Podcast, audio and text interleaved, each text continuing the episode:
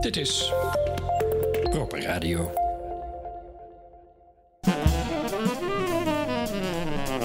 Improvisaties en getoeter. Lekker net iets te lang voortpiemelen op een thema. Piep, piep, knormuziek. A-tonaliteiten. Kromtrekkende toonladders. Aanzwellende kopertonen. Met je nagels over het schoolbord.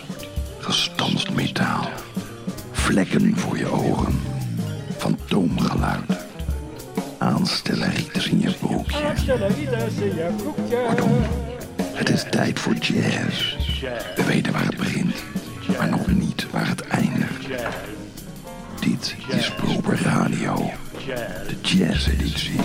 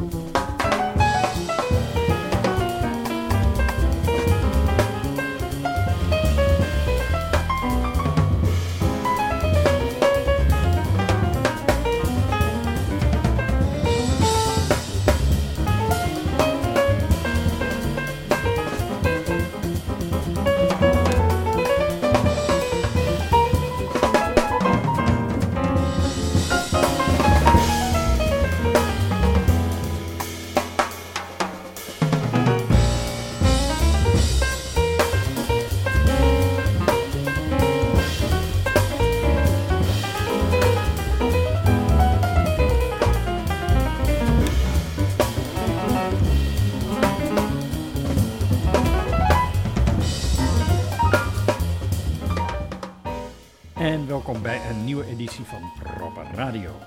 Zoals de Mighty Mike net al zei, dit is Proper Radio, de jazz-editie. En we begonnen met nummer Snakebite, afkomstig van het nummer The Sessions.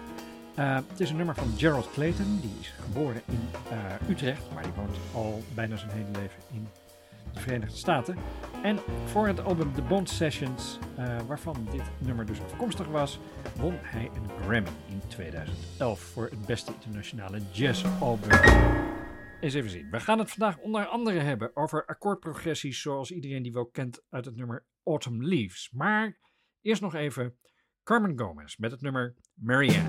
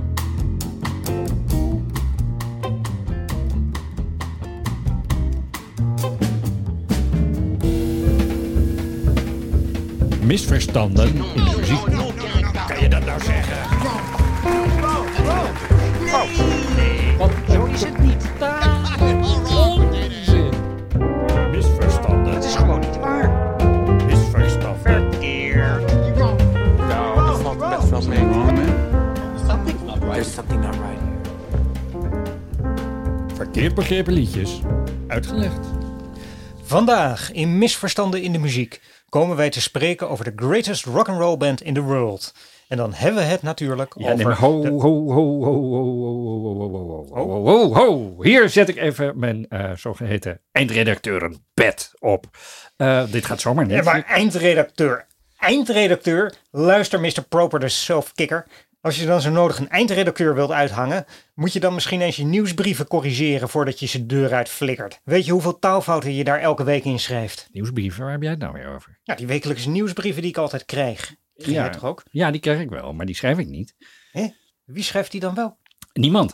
Eh, ik heb daar een algoritme voor. Ehm, ik heb, je, je kon namelijk bij Google kon je zo'n eh, AI-library downloaden. Eh, dat heb ik gedaan. En eh, nou, een beetje geconfigureerd en alles. En op basis van een paar tracks en, eh, en het thema wat ik dan ingeef, schrijft de software de brief zelf. En die stuurt hem ook zelf weg. Dus dat is heel handig. Juist. Nou ja, goed, dat bewijst dan mijn stelling weer dat eh, AI niet werkt. Anders zaten er niet zo heel veel fouten in. Nee, dat ontkracht juist jouw stelling. Come again? Nou, kijk. toen ik het aanvankelijk configureerde, toen waren alle zinnen perfect, zaten geen taalfouten in, helemaal niks. Maar ehm, het was zo klinisch en het, het werkte niet toen we het tegen een testpubliek aanhielden. Weet je, het was een beetje zoals je had die in de, die, die, die eh, Dire Straits plaat, die, die helemaal digitaal was opgenomen. Zo Oh god. Ja. klinisch en helder. En Ja. het, het, het, het klonk nergens naar. Uh, de mensen werden er ongelukkig van. En daardoor gingen ze ook niets van proper radio houden. Uh, dus toen heb ik een, um, een patch geschreven, die heb ik erin geplakt. Um, op basis van veelgemaakte fouten op het internet. Um, die downloadt die en die weeft die er een beetje random doorheen. En zodoende. Uh, en dat maakt de zender meer lovable. Nou ja, dat is de bedoeling. Of in elk geval meer menselijk dan. En werkt dat? Ja, uh, want alleen al uh, blijkt dat uit het feit dat jij gelooft dat ik die nieuwsbrieven schreef. Hmm. Nou ja, goed. I smell a rat and it's a dead one. Maar laten we het gewoon even liggen, want de Rolling Stones. Waarover het... wij het dus niet gaan hebben. En mag ik vragen waarom niet? Jazeker. Godsman. Ik word hier zo moe van soms. Waarom dan niet? Omdat de oplettende luisteraar ook al heeft opgemerkt aan het begin van het programma dit Proper Radio de jazz-editie is. Luister maar.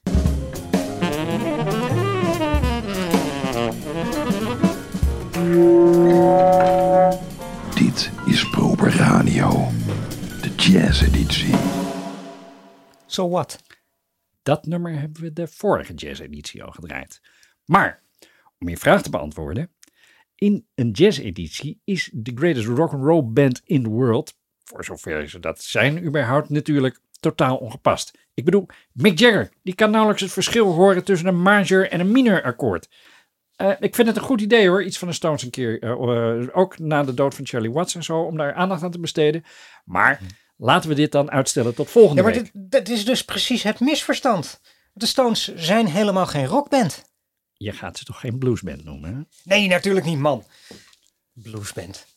Een jazzband. De Stones zijn een jazzband. You must be joking. Allerminst. Um, ik ga hier spijt van krijgen. En curiosity killed the cat, zeggen ze dan. Maar please elaborate. Wel nu. Laten we beginnen bij de drums. Wat is het wezen van jazzdrums? Uh, in de klassieke zin van het woord. Um, ja. Nou, dat lijkt me dan dat, dat gehuppel op de right uh, symbol, weet je. Zoals dat uh, door Kenny Clark is groot gemaakt. Luister maar.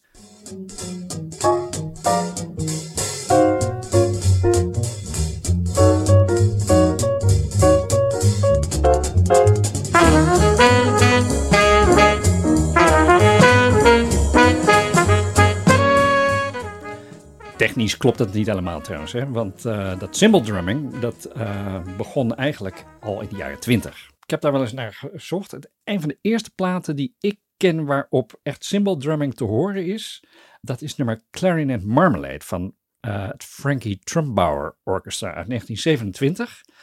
Ehm, nou, laten we daar ook even naar luisteren. Ehm Chauncey Morehouse, dat is de drummer. En je moet goed opletten, want je kunt het maar kort horen. En het zit, zit, ongeveer rond, eh, nou, vanaf seconde 43 ongeveer. Dus moet je zelf even tellen, hè? Ja?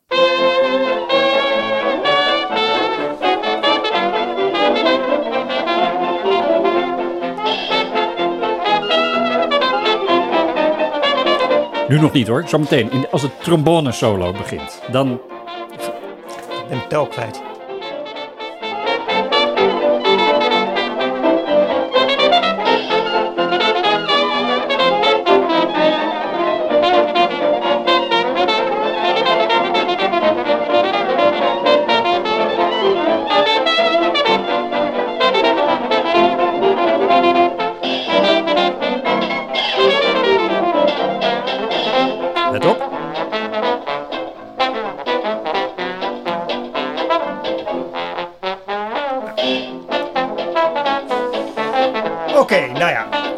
Merk het alweer. Het was een hele domme vraag en ik heb al spijt dat ik hem eh, gesteld heb. Sorry luisteraars, vergeef me.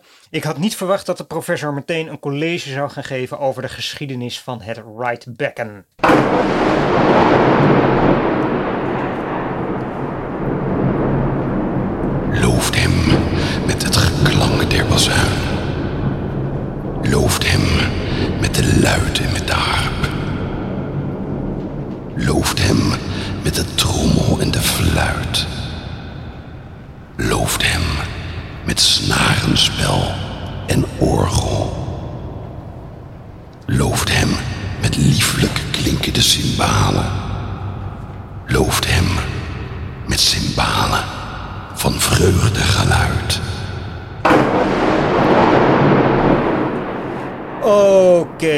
Oké, dank u wel ook God voor deze lichtelijk erotische bijdrage. De roots van het right becken zijn, weten we nu dus, terug te voeren tot de dagen van koning David. Daarmee is de geschiedenis nu hopelijk echt ten einde. En ik herhaal mijn vraag, maar wel retorisch. Dat betekent dat ik niks mag zeggen, zeker nu. hè? Precies. Nou, mooi is dat. Het is mijn eigen zender, man. Ik word gewoon gecanceld op mijn eigen zender. Dit is een soort, soort woke. Wat, wat is het wezen van jazzdrums? Nou, moet je mij niet aankijken. Ik zeg dus niks. Heel fijn. Of is het misschien vrijheid? Je zou toch niks zeggen? Ah ja, sorry, ik kan het niet laten. Het onderwerp ligt me aan het hart. Eh, zelf een tijdje drummer geweest, dus dan, dan ja, dat, dat, dat doet wat met je. Ehm, het antwoord is vrijheid. Eh, die jazzdrummers, die kunnen alles. En daarom wilde Frank Zappa er ook niet zo graag mee spelen. Want Zappa die had natuurlijk zelf nogal, eh was zelf trouwens ook een drummer geweest. Ehm, maar die, die, daar zette hij een complex ritme in, in zijn solo. En dan ging zo'n jazzdrummer, die ging daar nog een keertje overheen. Eh, en dan, dan, nou, dat stapelt dan en dat stapelt dan. En op het laatst was het natuurlijk altijd Zappa zelf die de tel kwijt was. En dat beviel hem niet zo. Hij hield niet zo van eh, eigen initiatief. Maar goed, dwaal ik af? Ik dwaal af. Nou ja, ik wilde het niet zeggen, maar, Maar, maar ja, je dwaalt af. aha. Maar nu niet meer. Want Oh. wat ik dus wilde zeggen, jazzdrummers zijn alleskunners. En eh, met die jazzmuzikanten, het wordt al heel snel een zootje. En dan krijg je dit soort gedoe.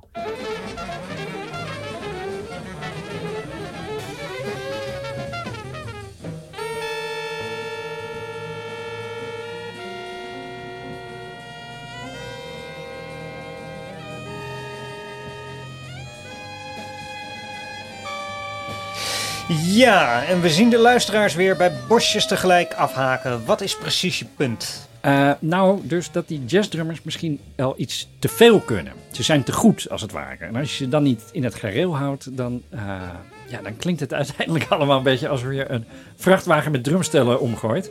Ehm, en dus is de vraag, eh, hoe houd je drummers in het gareel? Wacht even, voor de duidelijkheid, is dit weer retorisch? Of? Dit is retorisch, jazeker.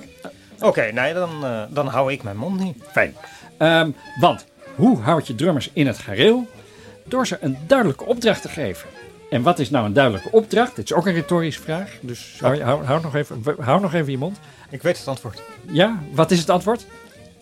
Rock. Exact. Want rock 2, 4, alles op de tel. Heel strak. Ehm, en dat werkt. Want dat zie je dus, eh, weet je wel, Ginger Baker van Cream. Een typische jazzdrummer. Eh, Mitch Mitchell van de Jimi Hendrix Experience. eh, Omar Hakim bij Sting. Will Calhoun van Living Color. allemaal jazzdrummers die een duidelijke opdracht kregen. Speel rock. En dat, dat werkt. Dat merk je meestal wel. Bij ja, rockbands met een jazzdrummer, dat, dat werkt. Eh, even sideline. Bij Living Color ging dat nog wel eens mis. Maar dat komt denk ik omdat de rest van de band ook jazzmuzikus is. Nou, weet je wat? Luister even.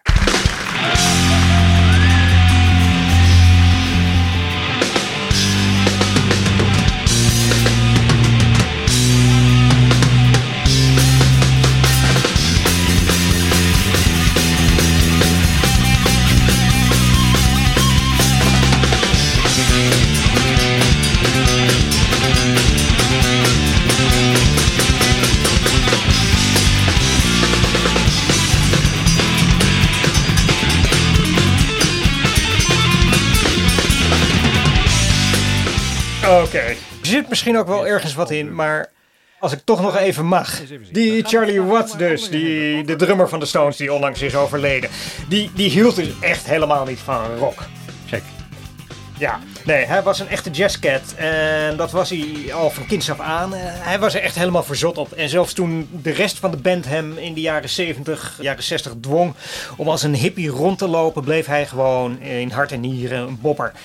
Eh, met de overtuiging dat je de bie en de bob beter kunt horen als je een zwarte zonnebril draagt. En dat deed hij dan ook in stikdonkere ruimtes. En toen de Stones voor het eerst naar Amerika gingen en in New York waren, bezocht de rest van de band daar die Apollo Theater. En Charlie Watts die ging naar Birdland om naar jazz te luisteren.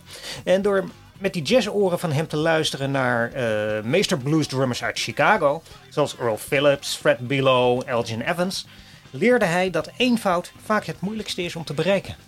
Ja, ja, ja, ja, ja. Ehm, kijk, dit is allemaal leuk bedacht. En Mhm. ehm, ik, nou, ik wil best ook toegeven dat die Charlie Watts een zekere swing had.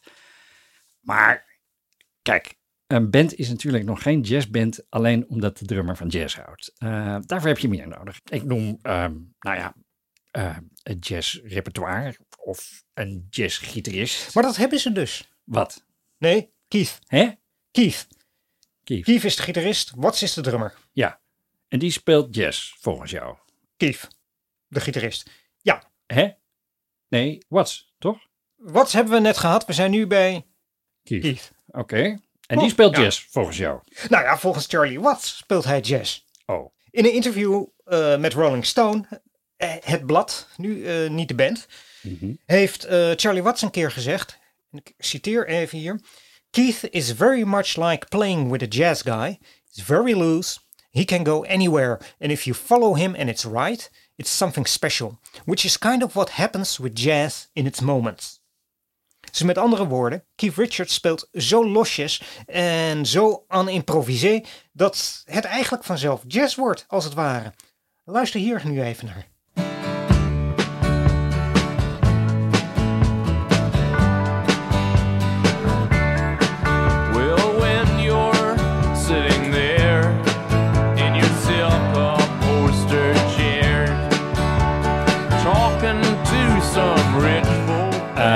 Dit zijn inderdaad de Rolling Stones. eh, Met het eh, nummer Dead Flowers van het album eh, Sticky Fingers. Dat uitkwam in 1971. eh, toevallig ook het jaar waarin wij geboren werden.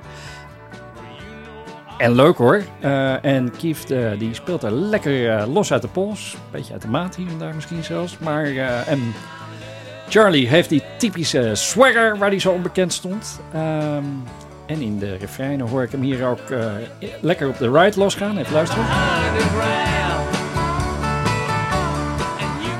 Ehm, maar goed, wat jij nu verder zo jazzy vindt aan deze door Graham Parsons beïnvloede country pastiche ontgaat me toch een beetje hoor. L- luister nou gewoon even goed. En dus zonder er de hele tijd doorheen te lullen. Oké, ik luister. to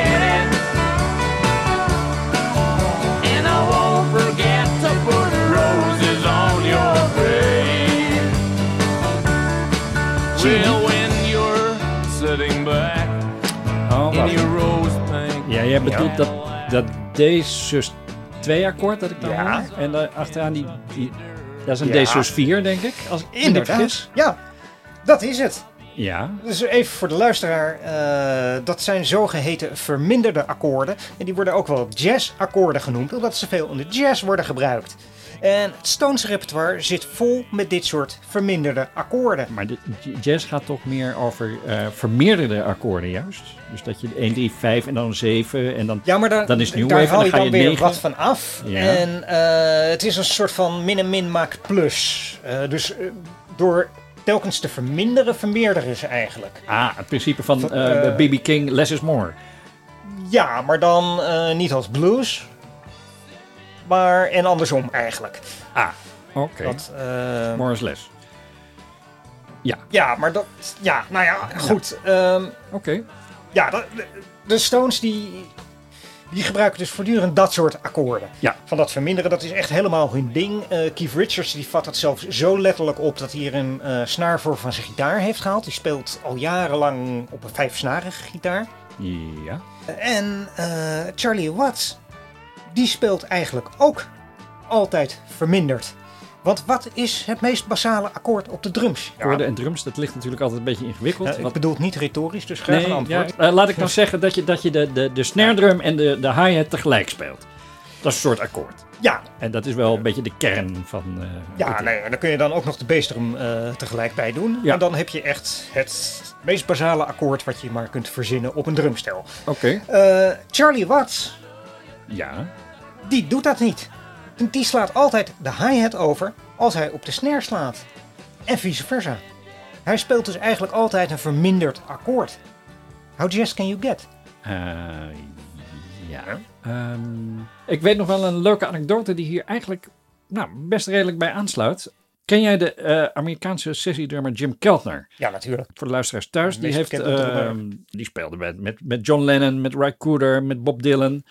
En die heeft ooit in een interview verteld dat hij een keer Levon Helm, de drummer van de band, eh, zag spelen. En Welke die, band? De band. Van, van, Ah. van, van die, de Oh, begeleiding. sorry. Ik dacht dat je nu de, de naam van die band zou zeggen. Nee, de, de band is de naam. De band is de naam. band. Ja. Eh, de begeleidingsband van eh, onder andere Bob Dylan en later ook niet onverdienstelijk solo. Eh, Ja. Nou, die band, de band, die zag Keltner dus.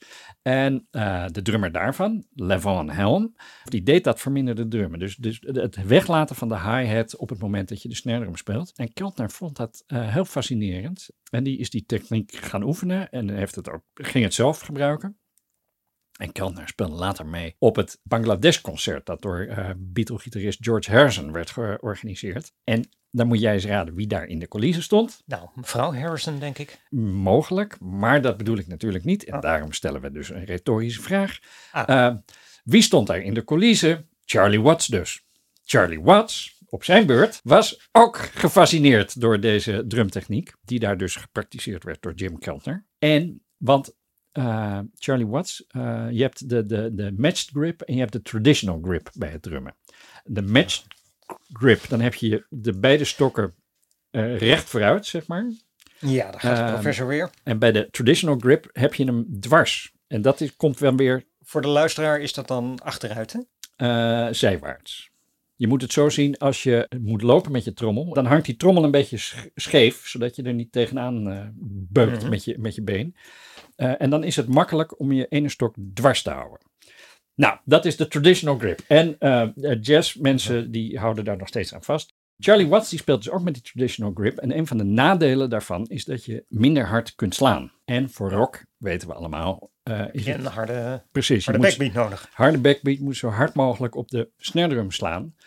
En als je dan je hi-hat niet speelt, en dan kan je je hand heel hoog optillen, en dan kan je je snare drumhand, met die, waar je dus de traditional grip stok in hebt, kun je ook hoger tillen en harder, eh want grotere afstand, eh, beter versnellen, laten vallen. En dus die stevige backbeat neerleggen.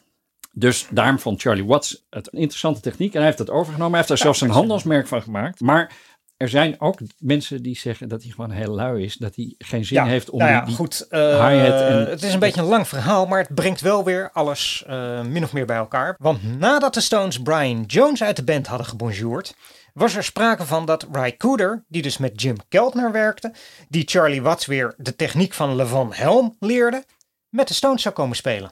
Ry Cooder bij de Stones. Er schijnt zelfs heel veel gejamd te zijn. En Ry Cooder heeft later wel eens beweerd dat Keith Richards alles wat hij weet over open stemmingen van hem heeft afgekeken. Hem Ry Cooder. Ja. Ja. Ja, er is zelfs een plaatje ook met Charlie Watts, Bill Wyman, Mick Jagger en Ry Cooder. Maar daar speelt Keith dan weer niet op mee. Dus dat ontkracht misschien een beetje het verhaal van Ry. Maar misschien ook wel niet. Want misschien dat Keith gewoon op zijn open stemmingen zat eh, te oefenen. Ergens anders in de hoek. Even luisteren.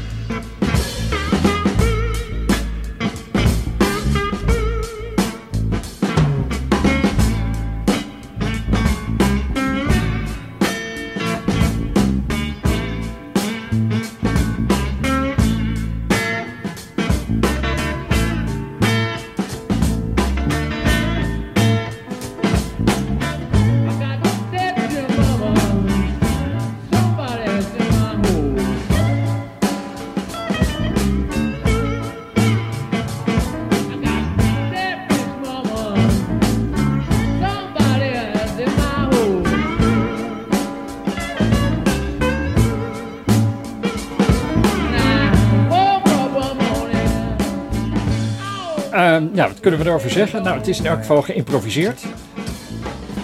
We kunnen misschien ook wel concluderen dat het misschien toch niet zo heel gek is dat Cooder uiteindelijk niet door de auditie is gekomen. Want ze zijn nog niet heel erg op elkaar ingespeeld. eh. Nee, Ehm, nou ja. Waar wilden we nu eigenlijk naartoe met dit misverstand? Want ehm, Eh. ik ben eh, de maat kwijt, om maar even in een drumtermen te blijven. En de tel, waar, waar is de 1? Zo Nou. gezegd. Hier, je slaat er bovenop. Want luister nu even naar dit.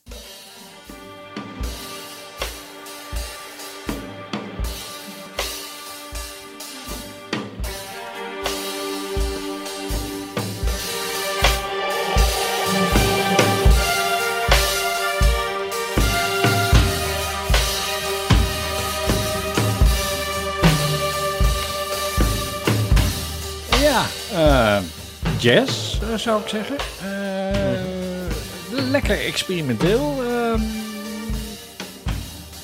nou ja, I, I dig it. Eh, wie, wie is dit? Watts. Ja, nee, wie is dit? Vroeg ik. Ja, Watts. Charlie Watts. Samen met Jim Keltner. eh, Hè? als het Charlie Watts Jim Keltner Project. Een plaat die ze in 2000 met z'n tweeën hebben opgenomen. eh, als een eerbetoon aan de jazzdrummers die hen beïnvloed hebben. Dit is het nummer Tony Williams. Dat is genoemd naar de drummer Tony Williams. Die onder andere Miles Davis, Eric Dolphy in de maat hield. Ja. En Tony Williams die staat bekend om dat hele wijdse, ruimtelijke drumgeluid. Als je luistert, hoor je ook dat ze dat hier proberen te, te vangen. Ja. Nou, goed. Tony Williams die heeft gezegd dat hij op die manier is gaan spelen nadat hij Keith Moon had gehoord. En wie is Keith Moon? De slagwerker van de Britse rockband The Who. Ja, ja. Eh, jij wil eigenlijk gewoon zeggen: jazz, rock and roll, maakt allemaal geen fluit uit. Of geen klap uit, is misschien beter eh, gezegd in dit verband. Dan is daarmee dit misverstand de wereld uit. eh, en draaien we nu schaamteloos in de proper Radio Jazz editie Sympathy for the Devil. Want dat is het Stones nummer dat misschien het dichtste komt bij een Charlie Watts compositie.